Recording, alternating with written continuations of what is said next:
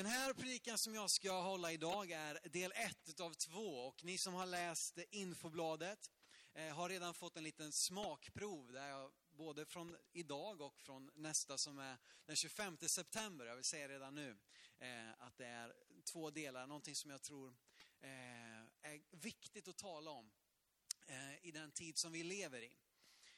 Ehm, och inte minst för den här hösten som ligger framför att uppleva att Gud har lagt det här på mitt hjärta för de här söndagarna. Och eh, i Sverige så har andlighet fått ett uppsving. Det har liksom eh, blivit okej okay på nytt att prata om Gud. Både i offentliga medier, hemma vid köksbordet, på arbetsplatser så är det inte längre tabu liksom att, att säga att man har en tro.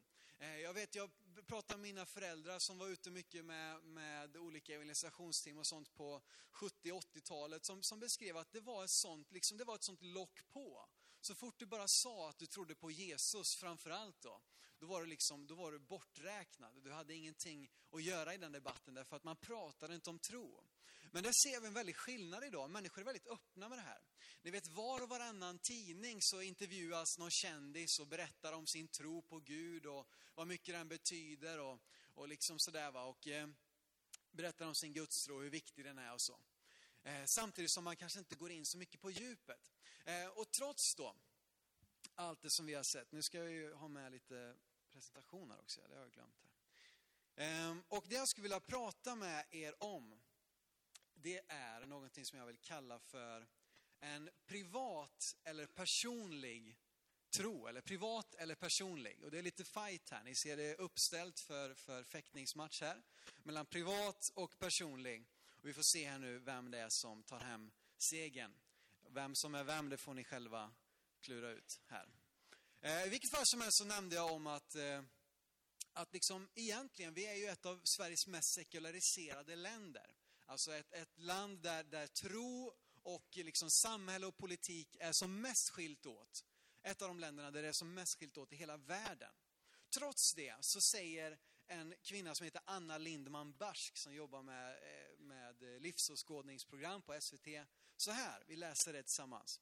Sverige är ett av världens mest sekulariserade länder. Ändå är intresset för andlighet så stort. Jag undrar varför många människor fortfarande i vår moderna tid söker och längtar efter en tro. Ett program som heter Från Sverige till himlen gick nu under våren här i SVT. Det finns fortfarande på SVT Play om man vill titta på det. Eh, det var riktigt bra, så det kan jag verkligen rekommendera att gå ut och kika på det. Eh, detta säger alltså en, en som arbetar på public service. En annan eh, program som gick i P1, Det nya paradiset, där skriver de så här. Samtidigt som Svenska kyrkan tappar medlemmar så kallar allt fler människor sig för andliga. Förlåt mig, andliga. Att en ny typ av andlighet tar form i väst konstateras i flera studier. Bland annat i brittiska The Spiritual Revolution och i svenska Demoskops Tro och andlighet i Sverige. Man talar om Google-buddhism som ett exempel på hur vi idag plockar från etablerade religioner och skapar en ny, privat andlighet. Är de gamla religionerna hotade av nyandligheten och hur kommer då andligheten att se ut om 30 år? Just det här de säger, vi skapar oss en ny privat andlighet. Vi väljer vad vi vill tro. Vi, vi liksom googlar fram, eh, ni vet, eh, det har blivit ett uttryck nu till och med, att man googlar någonting. Man söker information och så väljer man att vraka lite, ta det som verkar bäst, ta den källan som talar på ett sånt sätt att det passar mig. Och så, och så formar man sin egen privata gudstro. Jag tror på Gud, det är många som säger idag. Ja visst, jag tror på Gud. Jag tror på ett, ett högre väsen. Jag tror på liksom eh, eh, någonting mer. Men efter det, men sen då? Alltså Gud med litet g. Liksom, vad, vad, är det här? Vad är den här guden? Vad innebär det? Nej men det är min ensak. Det är min privatsak. Det har inte du med att göra. Det som är rätt för mig, det är rätt för mig. Det som är rätt för dig, det är ju rätt för dig. Och sen så kan vi ju hålla tron fortfarande som en privatsak. Så det om det. Samtidigt som Sverige kallas för världens mest sekulariserade länder, så kallas vi också, några som uttryckte det som att vi kan vara världens mest ensamma land. Sverige, världens ensammaste land, det är kanske ingenting som man skulle vilja skryta med. Och vad menar du nu med detta? Jo, För det första då så finns det statistik som visar att, att eh, baserat på, på antal ensamhushåll, alltså där man bor ensam, så ligger vi i absoluta toppen i hela världen. 2006 så var 44 procent av landets 4,4 miljoner hushåll ensamhushåll. Alltså nästan hälften av alla hushåll bestod av människor som lever ensamma. Och du kan säga, men det var väl inte så mycket. Men om vi jämför med världens snitt, så ligger världens snitt på 12 procent. Att jämföra med Sveriges 44 procent. I Afrika och Mellanöstern, där man har som minst ensamhushåll, är siffran på 3 procent. Och självklart så har detta att göra ganska mycket med hur mycket pengar man har, om man har råd helt enkelt att bo ensam eller inte. Men frågan är om det bara leder till något gott då? Att vi har så mycket pengar att vi klarar oss själva. En eh, professor eh, i etnologi, Åke Down, är det någon som har hört talas om honom? Det hade inte jag innan jag också googlade lite inför den här predikan. Eh, han har skrivit en bok som heter Svensk mentalitet. Och han beskriver vår mentalitet med att vi har ett otroligt stort behov av att klara oss själva. Vi har ett stort behov av att inte vara andra människor till last. Alltså vi vill klara oss själva, det ligger i den svenska mentaliteten. Eh, även om det, alltså om man nu ska generalisera, eh, vilket vi gör lite nu här då. Det ligger i vår mentalitet. Ni känner igen uttryck som mitt hem är min borg. Eller ensam är stark. Och bra kar reder sig själva. Det är ju så svenskt det kan bli va. Så är det, jag menar Pangis, eller Patrik heter han i Forslund, han har varit ute här och, och byggt om hela garagen här i stort sett helt själva. Det måste ni gå ut och titta på. Men en bra kar reder sig själva. En bra kar vet hur en slipsten ska dras och hur en liksom, hammare ska slås och så vidare. Ehm, inte nu att han är något exempel på detta, att vara, han, har ju, han har inte ett ensamhushåll så att du, du visar på något annat här också. Men om vi tänker den här då svenska mentaliteten av att vi vill så att säga klara oss själva, vi lever ensamma i stor utsträckning, då är det inte konstigt att självcentrerade religioner får bra plats, liksom där det handlar om dig själv. Men du har svaren inom dig. Du har hela sanningen i dig, du måste bara söka tillräckligt djupt. Eller att eh, att eh, sådana ideologier som bygger på människans självtillräcklighet som humanism eller kommunism eller ateism, liksom, där människan, vi är så bra i oss själva så att vi behöver inte religion därför att vi klarar oss själva. Inte konstigt att sådana här religioner, sådana här ideologier får utrymme i vårt avlånga land och har fått starkt fotfäste. Trots att man under hela 1900-talet har ägnat sig åt att försöka avkristna Sverige Eh, där, där faktiskt mycket av socialdemokratin har, har ägnat sig åt just detta, att skilja på kyrka och samhälle, att skilja på religion och det övriga. Eh, och, och minskat successivt kyrkans påverkan och inflytande. Inte genom att stänga ner kyrkan, men snarare genom att påverka och, och kontrollera kyrkan, vilket det finns mycket intressant att läsa om, vilket vi inte ska gå in på idag. Men trots detta då, så säger Sveriges Public Service, alltså de som ska vara, eh, de som ska vara, vad heter det, man ska, oberoende, ja precis. De som ska vara oberoende och inte ta ställning, de säger intresset för andlighet är stort. Allt fler människor kallar sig för andliga. Vore inte det bara själva motsatsen till det här som vi har, har räknat upp nu? Och då kan vi ju ägna oss nu åt att, åt att oja oss över hur det ser ut i samhället. Ja, det är som vi alltid har sagt, att det är tuffare tider som väntar och så vidare. Men vi ska inte göra det, utan jag tycker att vi ska vända oss till oss själva. Hur ser det ut i vår kyrka? Därför att mitt budskap är inte, jag tycker vi behöver förstå det här samtiden vi lever i. Vi behöver förstå vårt samhälle, men det är inte det som är poängen. Utan hur ser det ut hos oss? Är det så att vi också ser en liknande utveckling i våra kyrkor? Är det så att vi blir en, en spegelbild av samhället istället för att samhället blir en spegelbild av kyrkan? Hur har vi, eller har vi som kristna gjort våran tro till en privatsak? Att vi håller det för oss själva och på insidan? Håller vi i pingströrelsen fast lite vid vårt exklusivitetskomplex? Där har ni ett nytt ord som ni kan, som ni kan skriva upp. Exklusivitetskomplex. Att vi känner att ja, men det är ganska skönt här, alla andra är så annorlunda, så vi är pingst här, vi gottar in oss lite och så får alla tycka att vi är hur konstiga de vill. Men vi här i vår grupp, vi kan i alla fall hålla samman. Har det blivit så, eller lever vi kvar i det? Är vi som besöker kyrkan en kropp liksom, där vi verkligen delar livet med varandra? Eller är det också här så att vi mest är privata och har vår säsongsplats på rad fem här eller liksom i sidosalen eller har riktigt eh, fått en riktigt bra plats och sitter där på rad två här i, i liksom parkett här på, på mittsektionen här. Är vi lite för bekväma för att kyrkan ska få bli en personlig angelägenhet? Så att vi håller istället lite på armlängds avstånd. Där vi kan liksom kontrollera, där det är en liten privat hobby som jag kan vara med om och vara en del av när det passar mig? Det är ganska viktiga frågor att ställa sig. Utmanande frågor. Um, och eh, jag vill påpeka det också till dig här som sitter i vår kyrka idag eller som lyssnar via radion att du kanske inte har en egen tro. Det är inte till dig nu som jag ställer de här utmanande frågorna. Du får mer än gärna komma till vår kyrka söndag ut, söndag efter söndag och, och få ha din process och fundera kring de här frågorna. Du behöver inte komma hit när du är färdig, utan tvärtom så är du mer än välkommen att ha den här processen i vår kyrka.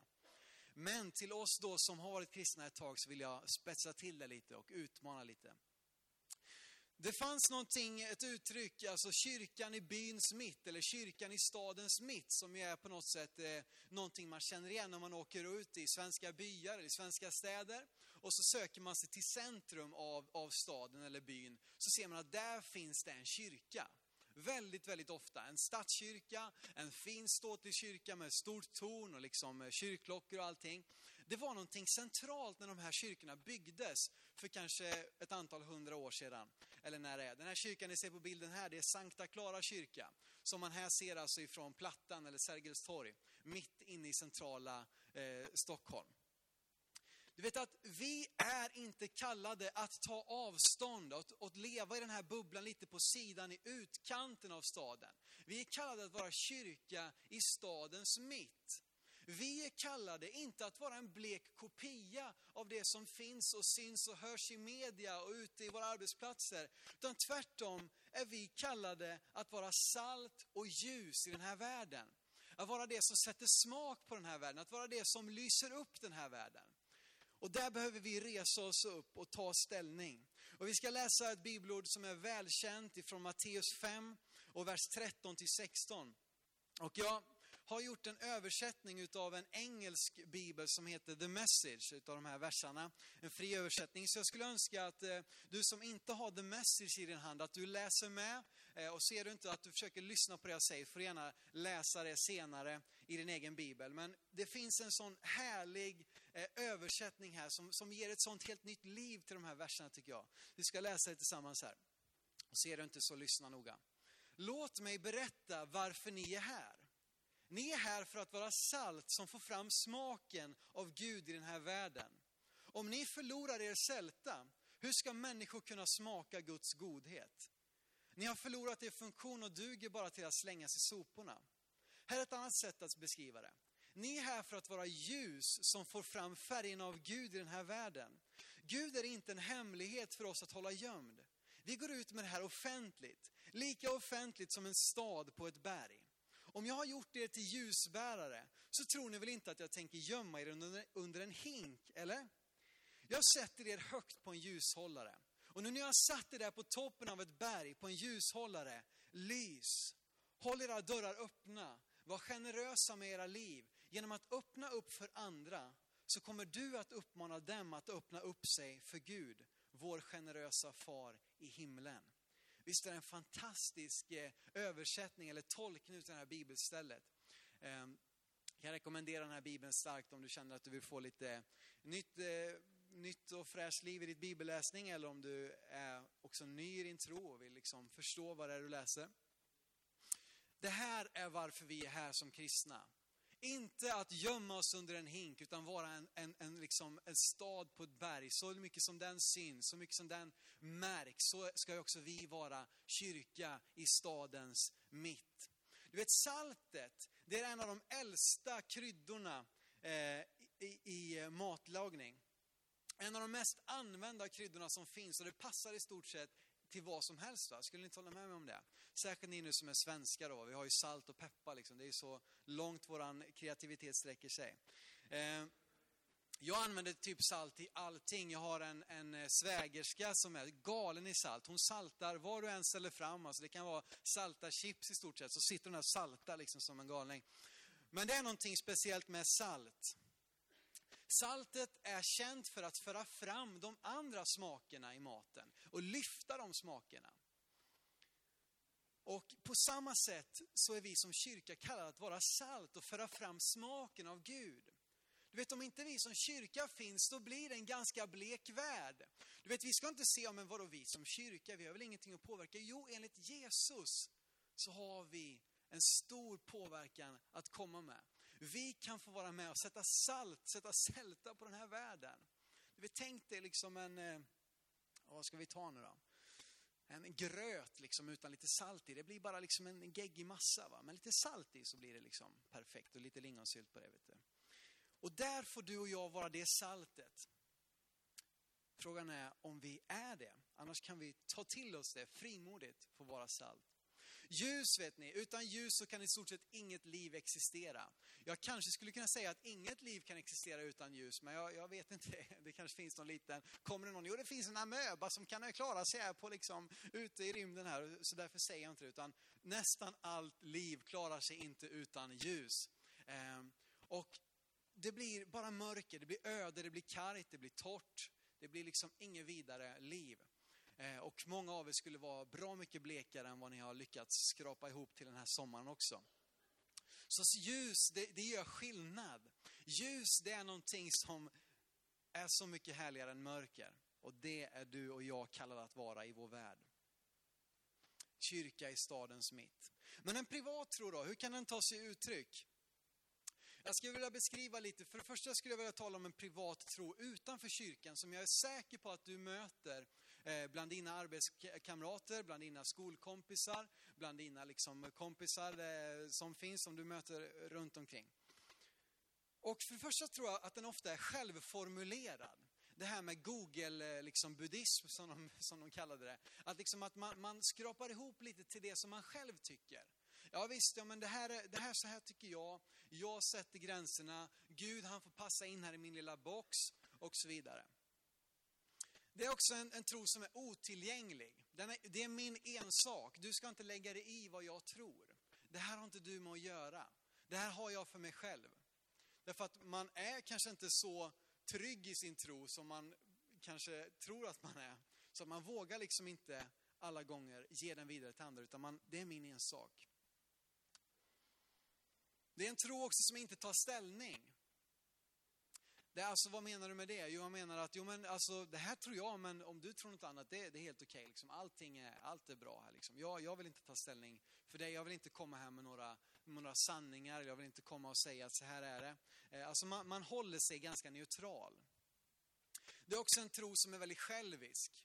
Som ni hör här, det handlar om att, att det ska vara en tro som passar mig, som jag får formulera, som jag får skriva, som jag får skapa. Det ska vara min ensak. Du ska inte ha med det att göra, eller du har inte med det att göra. Det är väldigt själviskt. Jag, mig och mitt är i centrum. Bara jag får det jag vill ha. Kanske att du känner igen någon person eller något beteende i de här beskrivningarna.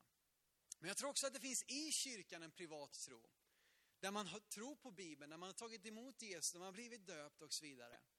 Men där det också finns ett mått av privat tro. Och någonting som jag tror är ett tecken på det är att den är självtillräcklig. Alltså att man klarar sig med sig själv. Alltså ganska många eh, kristna kanske inte delar en sån här gemenskap att få vara en del av en församling om den så är på fem personer som i, i Libyen då, eller om den är på flera hundra eller flera tusen människor. Där man klarar sig själv och, och, man kanske nästan aldrig har gemenskap med någon annan kristen. I alla fall inte som att man kanske sitter ner och läser Bibeln tillsammans och ber tillsammans. Utan man klarar sig själv. Jag klarar mig själv i min tro. Ofta tror jag att, att en sån här tro är ganska sårad eller besviken, har blivit sviken av andra kristna. Det finns så många människor som har lämnat och säger att jag klarar mig själv, därför att de har blivit sårade av andra kristna eh, många gånger och vägrar att göra upp med det, vägrar att förlåta och istället väljer att leva i besvikelse och leva och vara sårad, vilket de många gånger har rätt till. Men det gör ofta att man distanserar sig, som är nästa sak. Att man, har, man är distanserad. Man håller kyrkan och andra kristna människor lite så här på armlängds avstånd. Hit men inte längre. Liksom det här är min privatsfär, alltså mitt hem är min borg. Och där kommer inte du in, även om jag delar din tro och så vidare. Den är också ganska bekväm tror jag. Och det har väl att göra med att man är distanserad. Alltså jag vill inte engagera mig. Nej, alltså jag, vill, jag vill gärna att det ska hållas inom de ramarna som passar mig. Eh, liksom, så fort det ställs några krav, då, då skippar jag det. Liksom, och, och det, blir en, det blir en form av privat tro även i kyrkan. Då. Eh, jag tror att Jesus i sin undervisning vänder sig skarpt emot allt det som jag har beskrivit faktiskt. Och det som han formulerar upp, det tror jag handlar om en personlig tro. Och tron på Jesus är till sitt väsen några saker som jag skulle vilja ta upp här. För det första är den formulerad. Alltså det är inte upp till var och en att, att välja och vraka och säga det här passar mig, det här vill jag ha, det här vill jag inte ha. Du kan läsa i Matteus 5, där Jesus undervisar och där han kommer.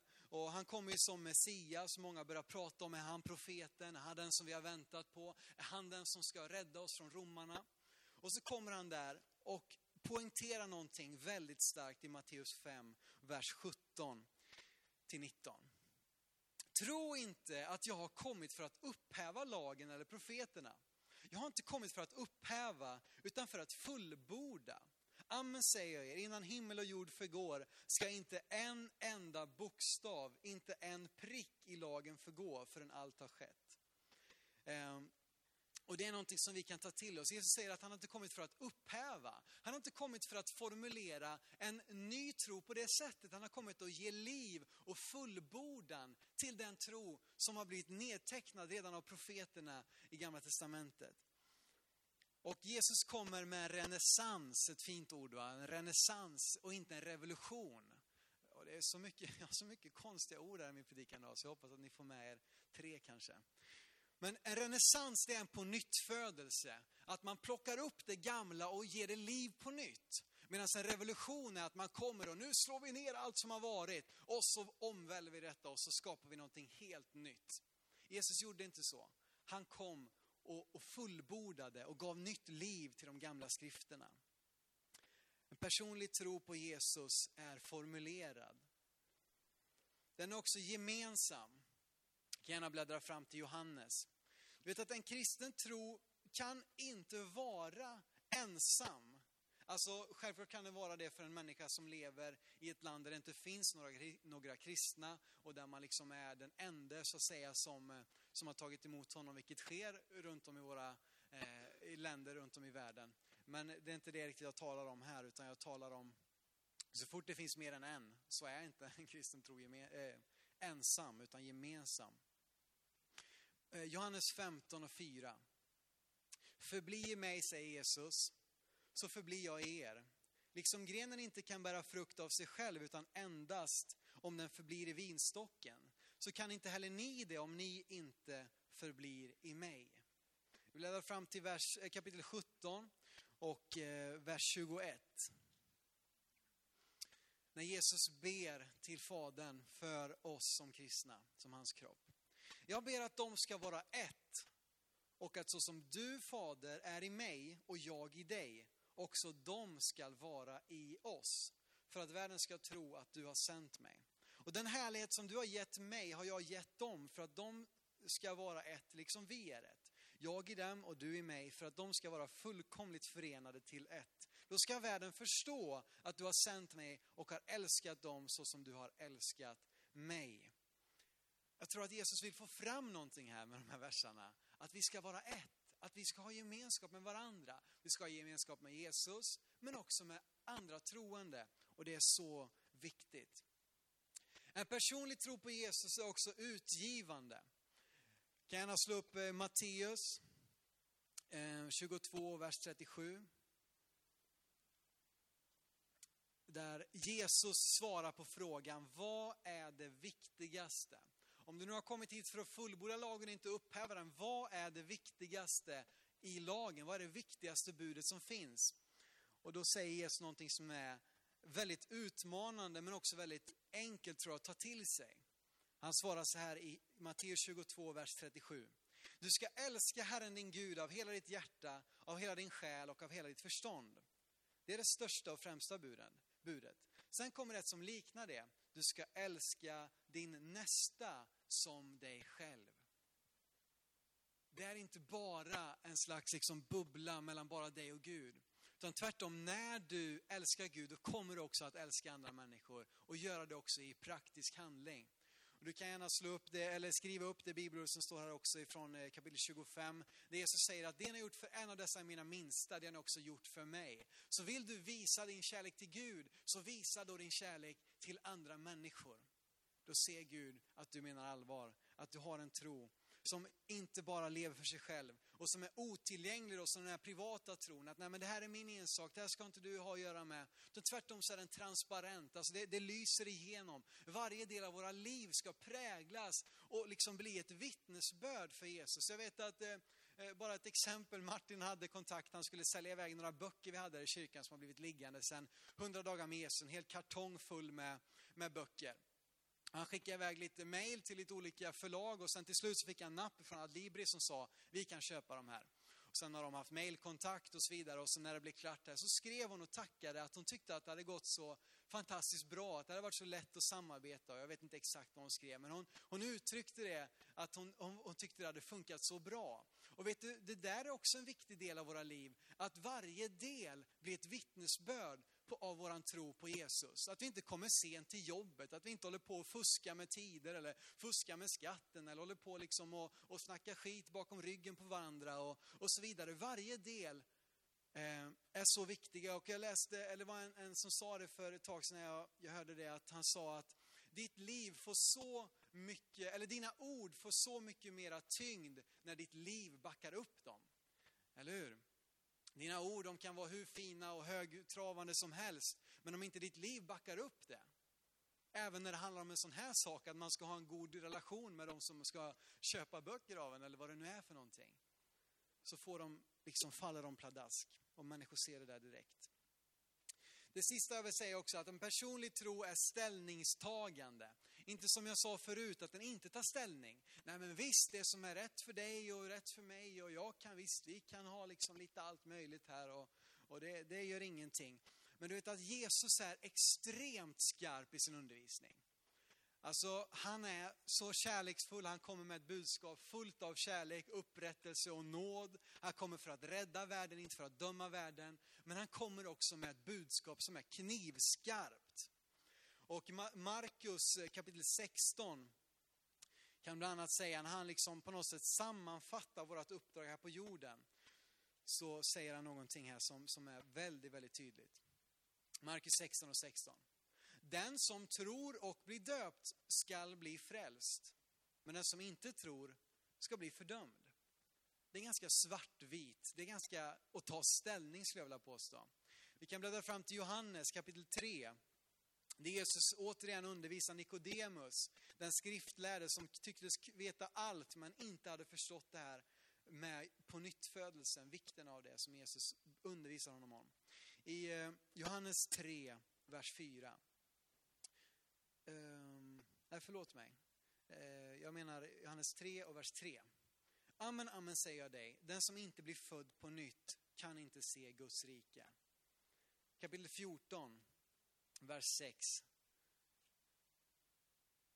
Något som är så otroligt citerat och liksom använt eh, och som verkligen sätter fingret på detta. Jesus sa till honom, jag är vägen och sanningen och livet. Ingen kommer till Fadern utom genom mig. En personlig tro på Jesus, där måste vi ta ställning. Inte bara som församling, inte bara som kollektiv, utan varenda människa individuellt. Du behöver säga ditt ja till Jesus för att få ta emot en relation med honom. Jesus är inkluderande på alla sätt, men inte när det gäller vägen, sanningen och livet. Han säger att jag är i bestämd form. Det är jag och inget annat. Och därav så, så skiljer han ut sig från så många andra profeter eh, liksom, eh, och, och andra förespråkare för olika religioner. För att han tar ställning. Han gör det svart och vitt faktiskt när det kommer till denna fråga. Du måste säga ditt ja till Jesus för att få ta emot det som han har att erbjuda. Och du kanske säger, ja, men vad, vad, vad liksom, det, här är väl, det här är väl sånt som vi har trott här nu i hundra år Simon, kommer något nytt här liksom? Jo, det är kanske är så att det har funnits den här tron i vår församling i hundra år, men jag är övertygad om att det inte alla gånger finns hos oss var och en. Och definitivt så är det inte så om man tittar utanför våra kyrkdörrar här, som vi borde göra lite då och då, ganska ofta, eh, där det finns en väldig förvirring där det finns en otrolig förvirring av att man blandar och vet inte vad, vad som är varken upp eller ner eh, i stort sett. Ehm, och där, där, man även i frikyrkor, även i, i liksom kyrkliga sammanhang börjar prata om och tumma på de här bitarna. Eh, om att Jesus är vägen, sanningen och livet och vikten av en personlig omvändelse. Man talar om att i syvende och sist så kommer väl alla till samma himmel. Därför att Gud är kärlek. Och så är det, Gud är kärlek. Men vi måste ta ställning för att ta emot hans kärleksbudskap. Och där måste vi stå upp och där måste vi hålla oss skarpa så att vi inte bara blir en blek kopia av det som finns där utanför. Utan tvärtom, att vi får stå upp för det som Jesus sa och lärde. Vi ska sluta med att läsa ifrån Matteus 24 eh, och eh, vers eh, 4 till 7 och sedan 11 till 14. Anledningen till att jag vill slå fast de här sakerna är just för att det finns en sådan förvirring. Och vi lever väldigt tydligt så många av Bibelns profetior som går i uppfyllelse av hur det ska vara faktiskt när tiden närmar sig sitt slut. Och jag ska inte stå här och spekulera i, i tider och stunder, det är inte det som är intressant. Men det intressanta är att vi måste vara på, på, på alerten och vara medvetna om detta i, i vår kyrka. Står det så här i Matteus 24 och 4. Jesus sa till dem, svarade de, se till att ingen bedrar er. Många ska komma i mitt namn och säga, jag är Messias, och de ska leda många vilse. Ni kommer att höra stridslarm och rykten om krig. Se då till att ni inte blir skrämda, ty detta måste hända. Men därmed har slutet ännu inte kommit. Folk ska resa sig mot folk, rike mot rike. Det ska bli hungersnöd, jordbävningar på den ena platsen efter den andra. Sedan vers 11. Många falska profeter ska träda fram och bedra många. Eftersom laglösheten tilltar kommer kärleken att svalna hos de flesta. Men den som håller ut in till slutet skall bli frälst. Jag vill bara påminna oss att vara, vara alerta, att ha fokus, att se klart i denna förvirringens tid faktiskt. Och värna om en personlig varm tro. Jag ska låta lovsångsteamet komma fram här och eh, nattvardstjänarna ska också göra sig redo för att ta emot, eh, eh, dela ut nattvarden. Eh, vi ska be en bön tillsammans för detta. Och kanske att du också sitter här som ännu inte har sagt ditt ja till Jesus och tagit ställning för honom. Då ska du få tillfälle att göra det just nu. Att, om du säger, men Simon, jag vill ha den där personliga tron som du beskriver. Jag vill att det ska bli en del av mitt liv så, så kommer jag be, be en bön nu och sedan när du tar emot nattvarden så tar du emot Jesus själv. Och där om något så får du ta del av en personlig upplevelse av Jesus. Det finns också tillfälle efter nattvarden till förbön. Men just nu skulle jag bara vilja be att vi, vi blundar allesammans innan respekt för varandra. Eh, jag ska bara ge en jättekort möjlighet för dig som säger redan nu att du vill liksom ta, ta ställning för Jesus och säga ditt ja till honom. Som jag vill bara ha den här stunden av respekt och stillhet inför Gud. Så vill jag bara fråga dig som säger, jag vill ta emot Jesus i mitt liv, jag vill säga mitt ja till honom och få en personlig tro. Så kan du bara vinka lite där du sitter och eh, ge mig ett tecken så ser jag det. Och så kan vi be tillsammans för detta. Det finns möjlighet för dig som vill ta emot Jesus. Mm. Vi ska fortsätta vår gudstjänst och eh, möjligheten finns fortfarande kvar. Och nästa söndag, nästa söndag, nu i veckan i våra cellgrupper, överallt finns det möjlighet för dig att säga ditt ja till Jesus. Men vi ber en bön och så ber jag sedan nattvardstjänarna gå ut här och göra sig redo. Tack Jesus för att vi får eh, komma till dig här, att du erbjuder oss en personlig tro på dig här Jesus. Som inte är på, på långt avstånd, som inte är liksom bara en exklusiv liten skara som får Herre. Utan att var och en som tar emot dig i sitt hjärta, som säger sitt ja till dig, som tror på dig kan få ta emot det här Jesus. Jag ber om att vi inte skulle vara en privat kyrka här Jesus, där människor känner sig utestängda här Jesus. Där, där vi håller hårt på det som är vårt och mig och mitt Herre. Utan där vi var personliga här Jesus, och där vi levde i gemenskap med varandra här Jesus och visade kärlek och värme mot varandra här Jesus. Så att våran tro fick, fick visa sig i handling när vi möter varandra och möter andra människor, Herre. Välsigna den här stunden nu av nattvard och, och tillbedjan, Herre Jesus. Och låt oss komma närmare dig, Herre Jesus, och få uppleva att du är, finns på, våra, på vår insida och att du är mitt ibland oss, Herre. Jag ber så i Jesu namn. Amen.